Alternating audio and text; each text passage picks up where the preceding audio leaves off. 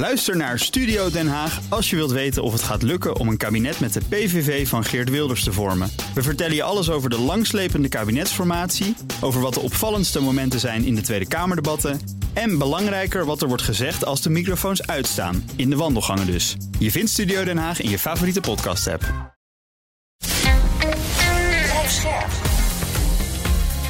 BNR Nieuwsradio. Boekenstein en de Wijk. Hugo Reitsma. Dit is een extra uitzending van Boekenstein en de Wijk in verband met de oorlog in Oekraïne en de crisis met Rusland. Het is vrijdag, dag 317 van de invasie. En we hebben een kerstbestand. Althans van eh, de Russische zijde tot morgenavond eenzijdig zullen de Russische wapens zwijgen. Ja, dat zeggen ze. ja. dat is dus het Russisch-orthodoxe kerstfeest, hè? Ja. ja. Dat mensen niet denken dat we het helemaal mis hebben en dat omdat kerst lang is uh, geweest. Nee, dat, dat Russisch-orthodoxe kerstfeest is op 6 en 7 januari. Exact. En uh, nou, de Russen hebben dat dus voorgesteld.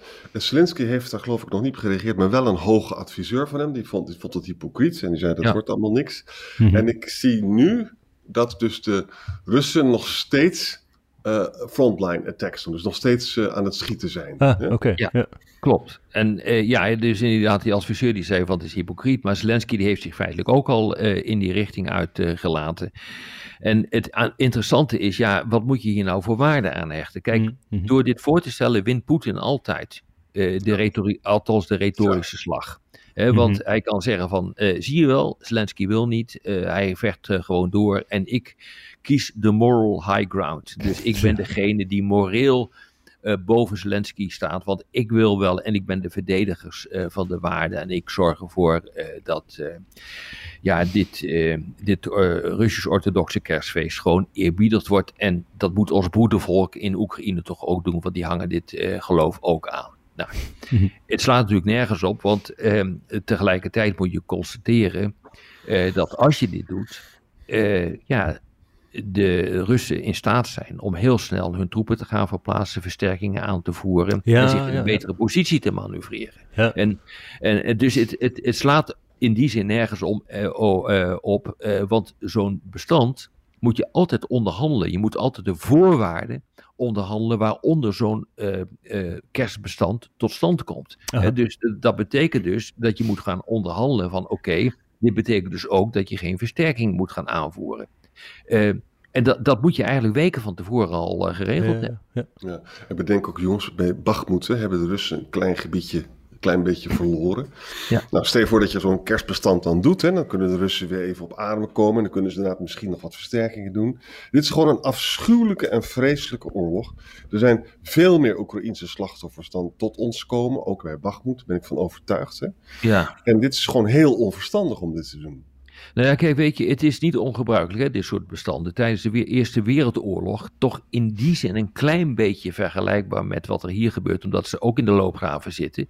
Toen zijn er meerdere kerstbestanden afgesproken. Ja, ja, ja. En die hebben tot de meest, ja, meest merkwaardige situaties uh, uh, geleid, waardoor de vijanden gezamenlijk Ja. kerstfeest aan het vieren waren. En Uit de loopgraven. Ja. uit de loopgraven kwamen, Ja. elkaar cadeautjes gaven.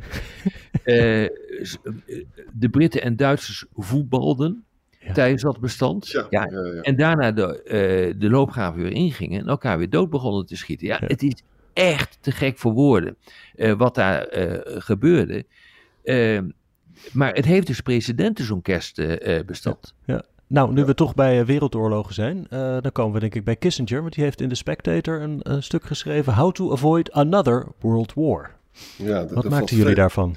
Nou, daar valt veel over te zeggen. In de eerste plaats is het weer een ongelooflijk mooi geschreven stuk, want het kan Kissinger als geen andere. Hm. En hij, het, is ook een, het is ook een fris geluid in zekere zin. Heel, heel veel mensen met wie je spreekt, die zeggen van, wij willen eigenlijk dat Rusland gewoon verliest. Hè? En dat het Rusland ook niet meer in staat is om oorlog te voeren. Dat is wat heel, heel veel mensen zeggen. En dan Ja. zegt van, dat is een heel onverstandig idee. Want ja, luister eens, eh, in dat afgelopen, eh, ja, zeg maar, eh, halve millennium heeft Rusland ook een bijdrage geleverd aan het machtsevenwicht. Hè? En die historische rol moet Mhm. niet worden ontkend. Verder heeft het land kernwapens. En je moet ook bedenken, als Rusland uit elkaar zou vallen, ja, dan krijg je misschien wel een, een totale oorlog daar. En dat is uh, niet erg leuk, want dan gaan andere mensen denken dat kunnen we dan misschien wel uh, opeten. Dus allemaal instabiliteit. Hè? Dus hij komt uiteindelijk op basis van dit soort argumenten. Praktische redeneringen. Ja, ja. Machts, machtsargumenten komt hij. Luister, kunnen we nou niet proberen om uh, te gaan onderhandelen? En dan maakt hij een prachtige vergelijking met 1916, de Eerste Wereldoorlog. Ja, zeker toen waren er dus ook, het waren al miljoenen mensen gestorven. Hè? Maar uh, Wilson's uh, envoy probeerde dus uh, vrede te doen, maar uiteindelijk is het allemaal niet gelukt, omdat Wilson moest worden herkozen. En Amerikaanse president. Ja, en volgens is die oorlog nog twee jaar doorgegaan en twee miljoen extra mensen dood. Hè? Mm -hmm. Nou, wat, wat zegt de grote Kissinger? Wat we kunnen doen is het volgende de Oekraïne moet lid van de NAVO worden. Precies wat Rob ook altijd zegt. Dat, dat kan. Neutraliteit is nu voorbij, zegt hij. Hmm. Maar Rusland mag het gebied van voor 24 februari behouden. Dat wil dus zeggen een stuk van de Donbass en de Krim. En dat moet dan de grote deal worden. En als je dat allemaal niet wil, en natuurlijk is het ook allemaal, dit is aan Zelensky, dat is volstrekt duidelijk. En ik steun ook de geallieerde oorlog daar, zegt hij. Maar bedenk wel dat uh, als we zo doorgaan zoals we nu doorgaan, dat het nog jaren kan duren, dat ongelooflijk veel mensen sterven. Nou, ik vind op zichzelf genomen, vind ik het een waardevolle bijdrage aan de discussie. Ja, vind ik ook. Ja, ik vind dat ook. En uh, er komen dus nu ook uh, meer stukken en meer analyses los. Dat is natuurlijk logisch, omdat die oorlog bijna een jaar duurt. Uh, maar wat we dus nu zien is, en dat onderschrijft denk ik Kissinger, is dat bijvoorbeeld een man als Robert Pape, dat is een collega van mij, een Amerikaan, dat is echt wel een hele grote, grote jongen hoor, op dit gebied. Die heeft ook gezegd van kijk eens even, Rusland is aan het leren van zijn fouten. Nou, dat hebben wij natuurlijk op uh, feitelijk ook geconstateerd. De terugtrekking uit Gerson en Kharkiv, waar we het zo vaak over hebben gehad, die was militair zinvol, omdat je daarmee een korte front kunt verdedigen. Hm. Mobiliseren is militair significant. Uh, er worden 200, hij zegt 200, ik zeg mogelijk 150.000 nieuwe militairen opgeleid in Belarus en in Rusland. En die worden echt veel beter getraind. Dus er is alle reden om uh, uh, te veronderstellen dat Rusland absoluut niet is uitgespeeld in, uh, in Oekraïne en militair nu de juiste dingen doet. De aanval op de elektriciteitscentrales, dat is militair absoluut significant, omdat niet alleen de mensen in de kou komen te staan, maar ook bijvoorbeeld, heel simpel, een munitiefabriek niet meer kan draaien. Uh, bovendien word je gedwongen als een elektriciteitscentrale uh, in de hens gaat om over te schakelen op uh, dieselgeneratoren. Nou, die zijn warm en die kun je dus ook heel eenvoudig dan uitschakelen vanuit, vanuit de lucht. Nou, ga zo maar door. Dus het heeft ook militaire implicaties. Het feit dat je zoveel mogelijk van die elektriciteitsvoorziening stillegt.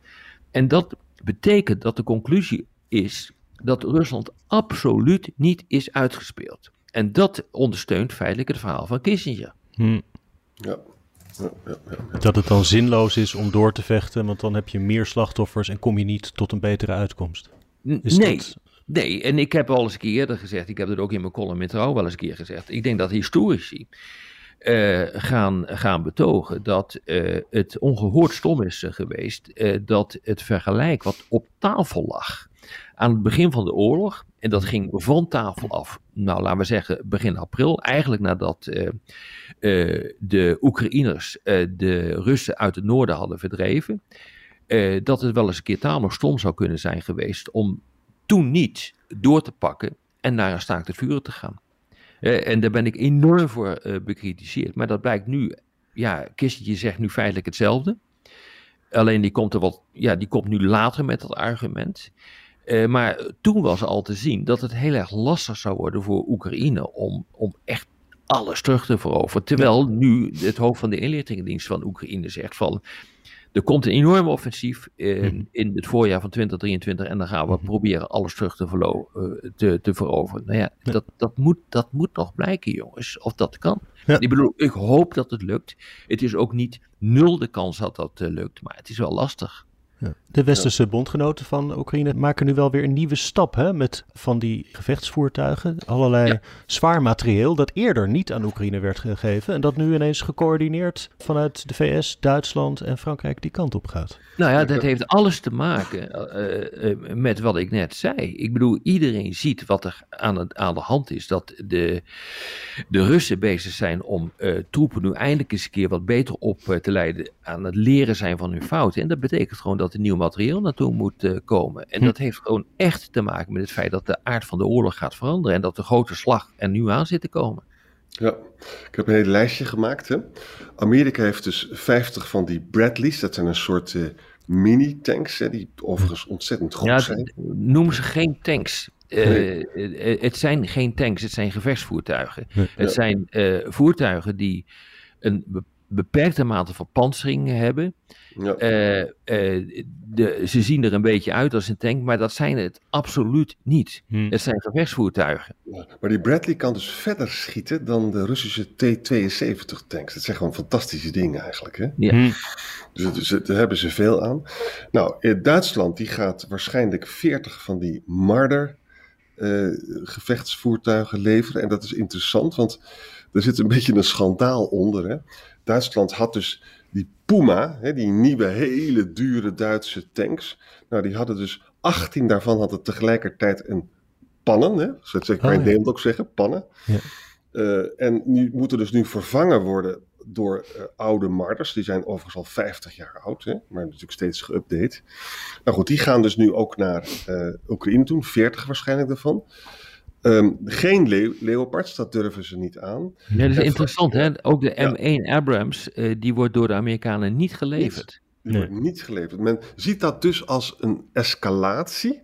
Ja. Uh, die ertoe zou kunnen leiden dat Rusland ook zou escaleren. En hier hm. zit volgens mij ook weer het kernwapen natuurlijk verhaal achter. Zeker, maar het heeft ook logistieke redenen. Uh, kijk, uh, de enorme logistieke trein die je nodig hebt om een Abrams tank in te zetten, of gewoon überhaupt wat de Amerikanen noemen main battle tanks, dat het echt iets anders is dan die gevechtsvoertuigen. Net zoals het, de Franse AMX uh, 10, hè, dat is een verkenningsvoertuig waartoe uh, Macron nu heeft besloten om die te leveren.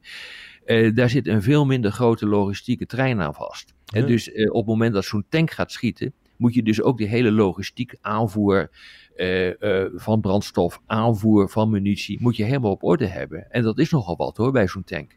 Ja. Hm. Een tank rijdt uh, één op half. ja, zo is het. Maar zeg je erop, uh, die gevechtsvoertuigen, dat stelt niet zoveel voor. Eigenlijk, uh, Oekraïne kan pas tevreden zijn als ze die, die grote tanks krijgen? Nou ja, dat is wat Zelensky zegt. Hij zegt er is geen rationele uh, reden denkbaar waarom het Westen geen tanks stuurt. Hm. Nou, uh, één reden is genoemd door uh, Arend Jan, een andere reden is genoemd door mij. Dus er zijn wel degelijk rationele redenen om het, om het niet te doen. En bovendien moet je ze ook nog een keer daarvoor opleiden. Je kan hm. niet, niet, niet, iedereen kan met een tank overweg. Ja. Ja, ja, ja, en die gevechtsvoertuigen, die zijn wel belangrijk hoor. He, want ze, ze bieden bescherming, je wordt mobieler. Uh, daardoor. Het zijn echt uh, gevechtsvoertuigen ten behoeve van de infanterie. Dus je wordt mobieler, je kan je sneller verplaatsen. En dat is in dit geval heel erg belangrijk. Okay, okay. 500 pk, 8 liter, sorry, 8 cilinder, diesel. Leuke dingetjes hoor. en een heel groot kanon. Ja.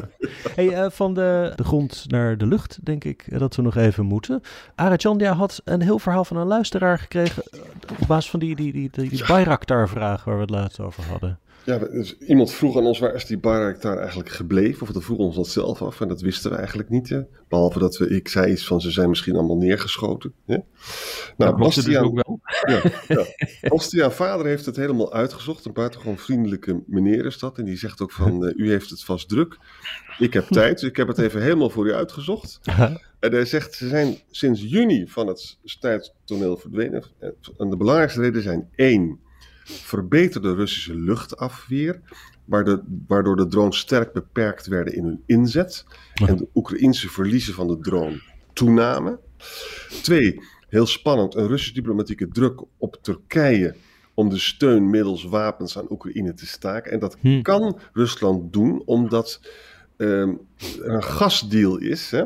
Uh, want namelijk Turkije wil heel graag een regionale gashulp gashub worden.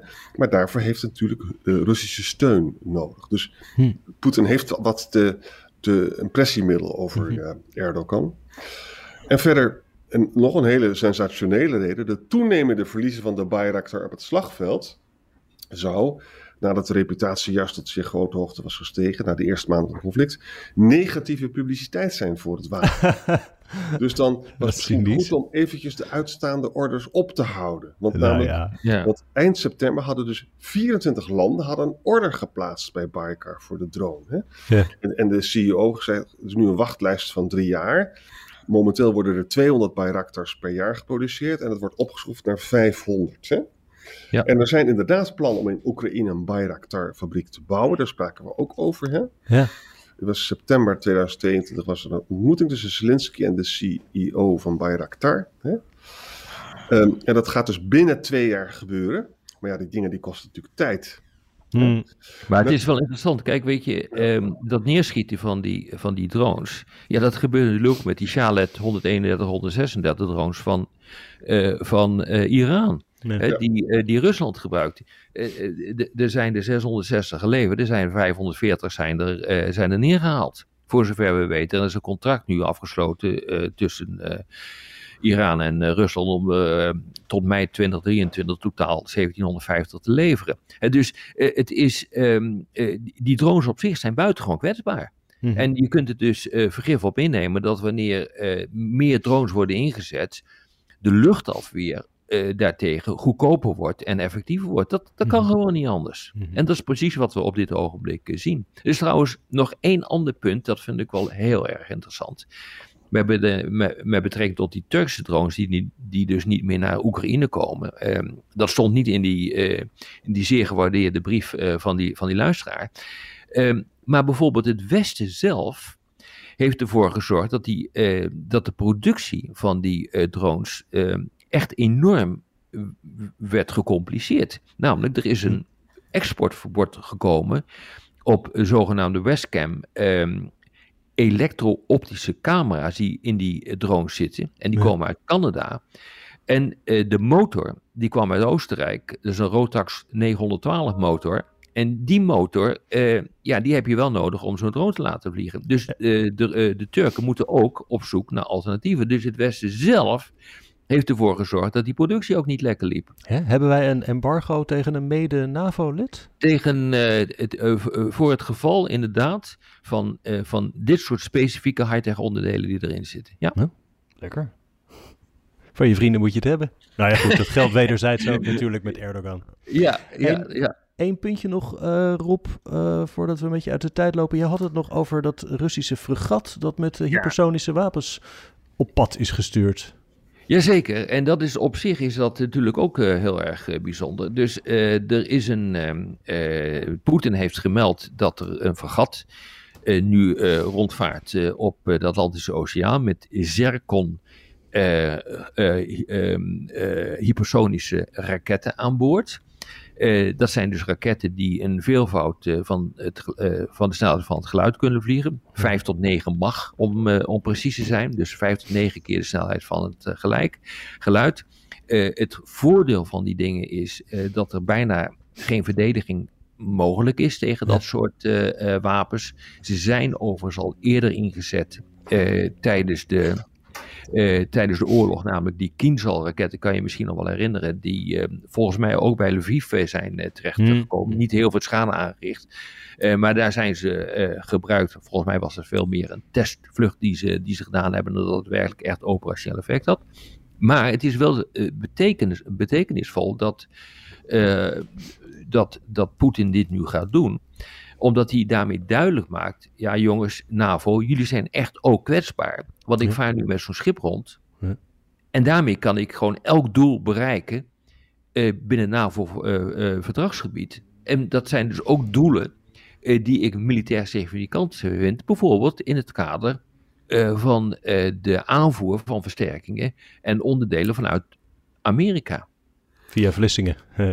Ja. Vlissingen of Rotterdam of weet ik veel welke haven je daarvoor wil gebruiken. Maar dat zou dus inderdaad kunnen. En die rijkwijde van die supersonische raket is, dacht ik, 500 kilometer las Klopt dat? Nee, nee, veel meer. Nee, nee, het is, het is echt veel meer. Het zijn uh, tot, tot duizenden kilometers aan toe kunnen die uh, okay. En is ook gezegd of dat schip met die Zircon-raketten ook uh, nucleaire koppen aan boord heeft? Nee, in principe gaan de Amerikaanse inlichtingendiensten ervan uit dat dit nucleaire wapens zijn. Maar dat wil niet zeggen dat je er geen conventionele kop op kunt schroeven. Hm. En dat schip heet trouwens, vind ik ook echt helemaal geweldig. De admiraal van de vloot van de Sovjet-Unie, Gorskov. en dus de Sovjet-Unie wordt hier nog steeds genoemd op, uh, aan boord van dat schip. Vind ik wel heel erg. Ja. Echt terug naar de Koude Oorlog is dit hoor. Absoluut. En dat betekent ook, dit verklaart ook waarom de Leopards niet geleverd kunnen worden. Het zou kunnen. Het zou kunnen. Ik weet het niet. Het zou kunnen. Jongen, maar dat is dus best een, eh, een flinke escalatie van Poetin. Dit is gewoon een escalatie. En het grappige is, het heeft hier nauwelijks uh, aan de aandacht uh, getrokken. En, en dat, dat heeft te maken met het feit ja, dat we eigenlijk ook een beetje oorlogsmoe beginnen te raken in, uh, in dit deel van de wereld. En eigenlijk zo'n zo'n zo'n berichtje denken van, nou ja, het zal wel. Hm. Want Rusland is toch al op zijn retour, die gaat dit toch winnen. Dat is wel een, een, een gevaarlijke gedachte hoor, in dit deel van, van de wereld. Dus zo maakt zo'n vergatje ook niet uit. Nou, eh, dat is denk ik volledig onterecht om daar zo ehm, ja, langmoedig mee om te gaan. Nou, heb je onze luisteraars in elk geval weer wakker geschud erop? Zo is het. maar voor dat... nog enige reden om naar deze podcast te blijven luisteren, luisteraars. Zo is het. hey, tot morgen. Tot morgen. Tot morgen. Ook Diana Matroos vind je in de BNR-app. Ja, inderdaad. Je kunt live naar mij luisteren tijdens de Big Five. Ook handig in de BNR-app. Breaking nieuwsmeldingen, maar ook het allerlaatste zakelijke nieuws. En je vindt in de app alle BNR-podcasts, waaronder Wetenschap Vandaag. Download nu de gratis BNR-app en blijf scherp.